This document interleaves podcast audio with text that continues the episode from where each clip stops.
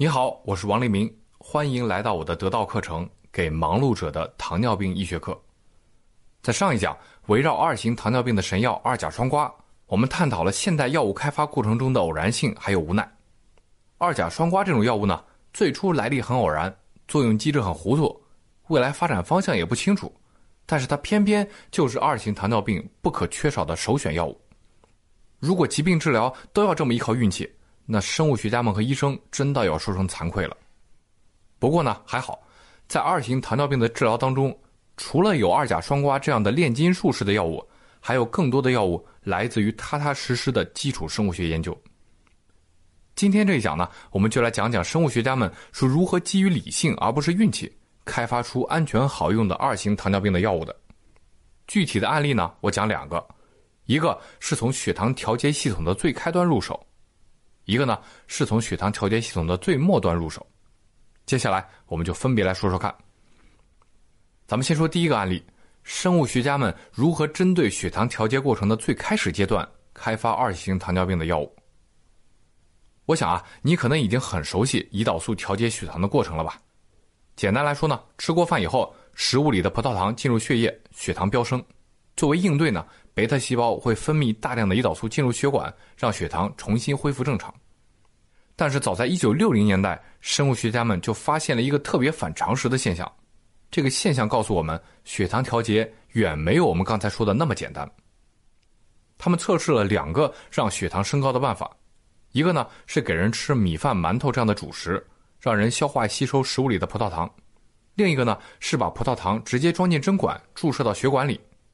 结果他们发现啊，两种方法相比。吃馒头米饭反而比直接注射葡萄糖让胰岛素的分泌会更快，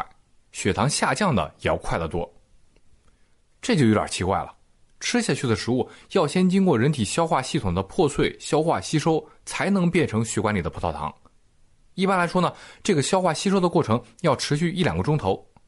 那照这么说呢，吃东西来刺激胰岛素分泌，应该比注射葡萄糖来刺激胰岛素分泌要慢得多才对啊。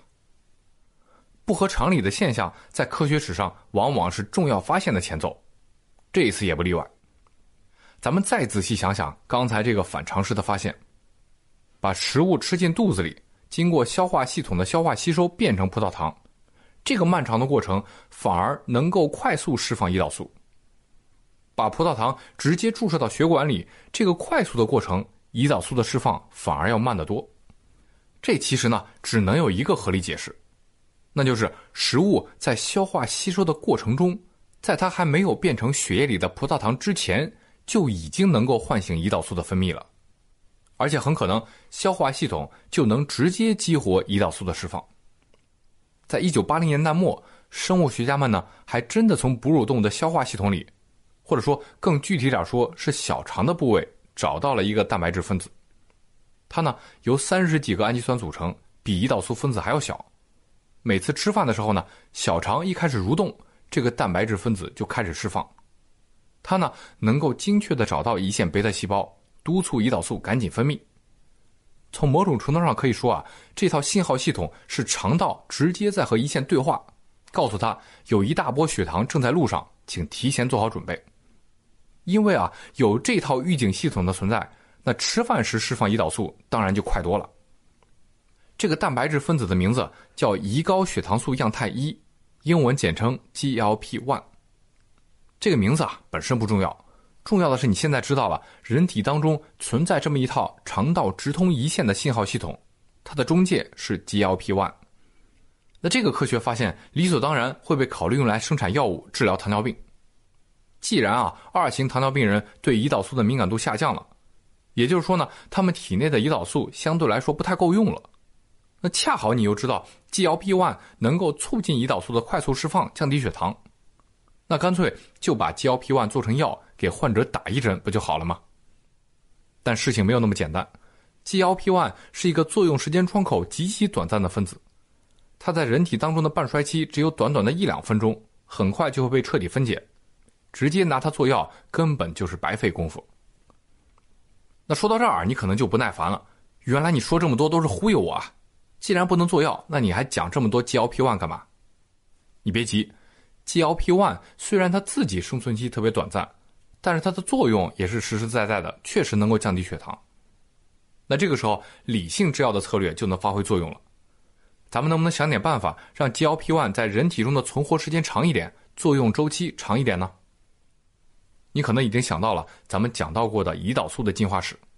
都是几十个氨基酸组成的蛋白质，改造胰岛素能让它的效果持续的很长。同样的办法，能不能也用在 GLP-1 身上呢？没错，药物开发者们发现啊，如果对天然的 GLP-1 进行一点定向的化学修饰。就能让它在人体的半衰期从几分钟延长到十几个小时，甚至是一周时间。这样一来呢，二型糖尿病患者只需要定期给自己打一针就够了。这种经过改进的 GLP-1 也就真正具备了药用价值。在2018年，丹麦诺和诺德公司推出的一天一针的 GLP-1 药物诺和利，和美国礼来公司推出的一周一次的 GLP-1 药物 Trulicity，全球销售额都超过了三十亿美元。在临床和市场上都取得了巨大的成功。目前呢，诺和利已经进入中国市场，而 Trulicity 可能也会在不久的将来进入中国。针对 GLP-1 的改造，还有另外一个非常理性的方向。既然我们已经知道 GLP-1 在人体中会被快速的分解，那如果我们找出来到底是什么东西破坏了 GLP-1，然后呢，再有针对性的设计一个药物阻止它破坏 GLP-1。不是也能延长 GLP-1 的作用时间吗？在一九九零年代，生物学家们找到了负责让 GLP-1 降解的元凶，它是一个叫做二甲基肽酶的蛋白质剪刀，英文名叫 DPP-4。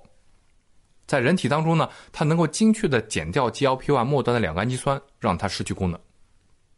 在那之后啊，大大小小的制药公司陆续开发出了好几十种针对 DPP-4 的新药。这些药物啊，能像钥匙插进锁孔一样，精确的结合这把蛋白质剪刀，让它呢不再能去破坏 GLP-1。因此呢，这些药物就和上面说的 GLP-1 类似药物一样，能够起到促进胰岛素分泌、治疗二型糖尿病的功能。如今啊，这些药物已经成为二型糖尿病的首选药物之一。特别是如果患者吃二甲双胍副作用太大，那这一类新药就成了他们的救命稻草。因为这类药物实在太多，我在这儿就不一个个展开介绍了。有个小窍门啊，也许你用得上。这一类抑制 DPP-4 的药物，化学名称一般结尾都是格列汀，什么西格列汀、维格列汀、沙格列汀，都是不同药厂开发出来的功能类似的药物。说到这儿呢，第一个案例就介绍完了。这个案例呢，是针对血糖调节系统的最开端，也就是吃饭以后胰岛素如何开始分泌而进行的研究。最终，这些研究为我们带来了一系列治疗糖尿病的新药，包括 GLP-1 类药物和格列汀类药物。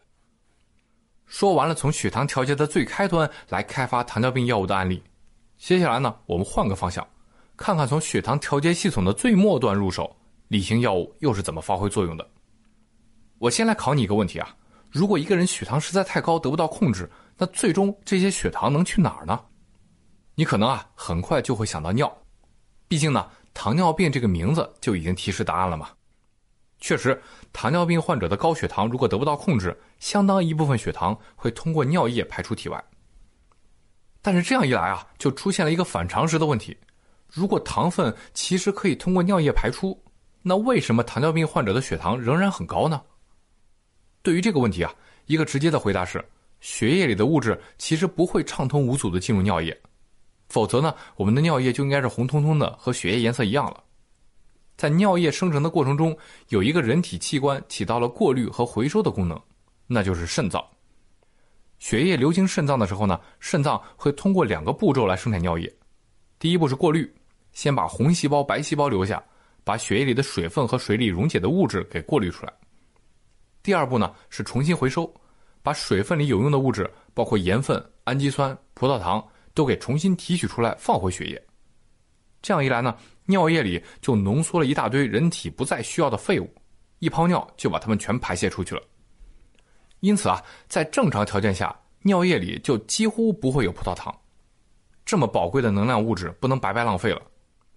只有啊，得了糖尿病的时候，血液里的葡萄糖实在太多了，肾脏的功能又受到影响，怎么开足马力也不足以回收所有的葡萄糖。这个时候，病人的尿液才会出现大量的糖。有了肾脏这套血糖的回收装置，血液里的葡萄糖就不可能跑到尿液里都排泄掉，绝大部分还是会被回收重新利用。这对于健康人来说当然是件好事了，但是对于糖尿病患者来说，这套回收装置反而显得有点多余。因为要是没有它，尿液不就可以排泄更多的葡萄糖了吗？血糖不就能降下来一点吗？沿着这个思路呢，在过去七八年的时间里，有一批功能类似的药物被开发出来推向市场，比如恩格列净、达格列净、卡格列净等等，名字里啊有“格列净”三个字的，差不多就是这类药物。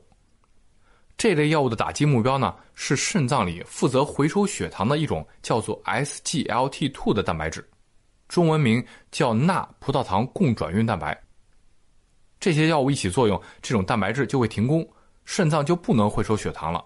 所以呢，过剩的血糖就会随着尿液排出，糖尿病人的血糖就降下来了。而且啊，一旦血糖得到控制，那糖尿病的后续危害，特别是那些凶险的并发症，当然啊也就得到控制了。你看，这就是生命科学研究和理性制药的魅力。一旦我们理解了血糖在人体当中全部的生物学活动规律，我们甚至可以分别在血糖代谢的起点和终点这两个相隔千里的战场上对糖尿病发起反击。说到这儿呢，两个针对二型糖尿病的药物案例我就和你分享完了。这两个理性制药的案例，一个针对的是血糖调节系统的开端，而另一个针对的是血糖调节系统的末端。我们理解了吃完一顿饭之后，胰岛素系统是怎么被启动的，我们就能开发药物模拟这个效果，促进胰岛素分泌。我们理解了血糖是如何被肾脏过滤和回收的，我们就能开发出药物破坏肾脏的回收功能，促进血糖的排泄。我希望呢，听到这儿，你能对人类的生物医学研究重新找回一点点信心。虽然到今天我们仍然无法全面了解人体这个复杂系统，但是面对威胁人类的疾病。科学家们和医生一直都在上下求索。说到这儿，这个模块的内容我也讲完了。我们详细的讨论了生物学家们是如何开发药物治疗糖尿病的。简单来说呢，针对一型糖尿病，我们有各种胰岛素药物，未来呢可能还有升级版的生物胰腺。而针对二型糖尿病，我们拥有神药二甲双胍，也拥有这一讲我们所讲到的基于病理研发出来的各种药物。在接下来的这个模块，我们将讨论的焦点从治疗疾病转向管理疾病。我们用两讲的内容，看看该如何有效的预防糖尿病，以及呢，一旦患上糖尿病，我们该如何控制病情。我是王立明，我们下一讲再见。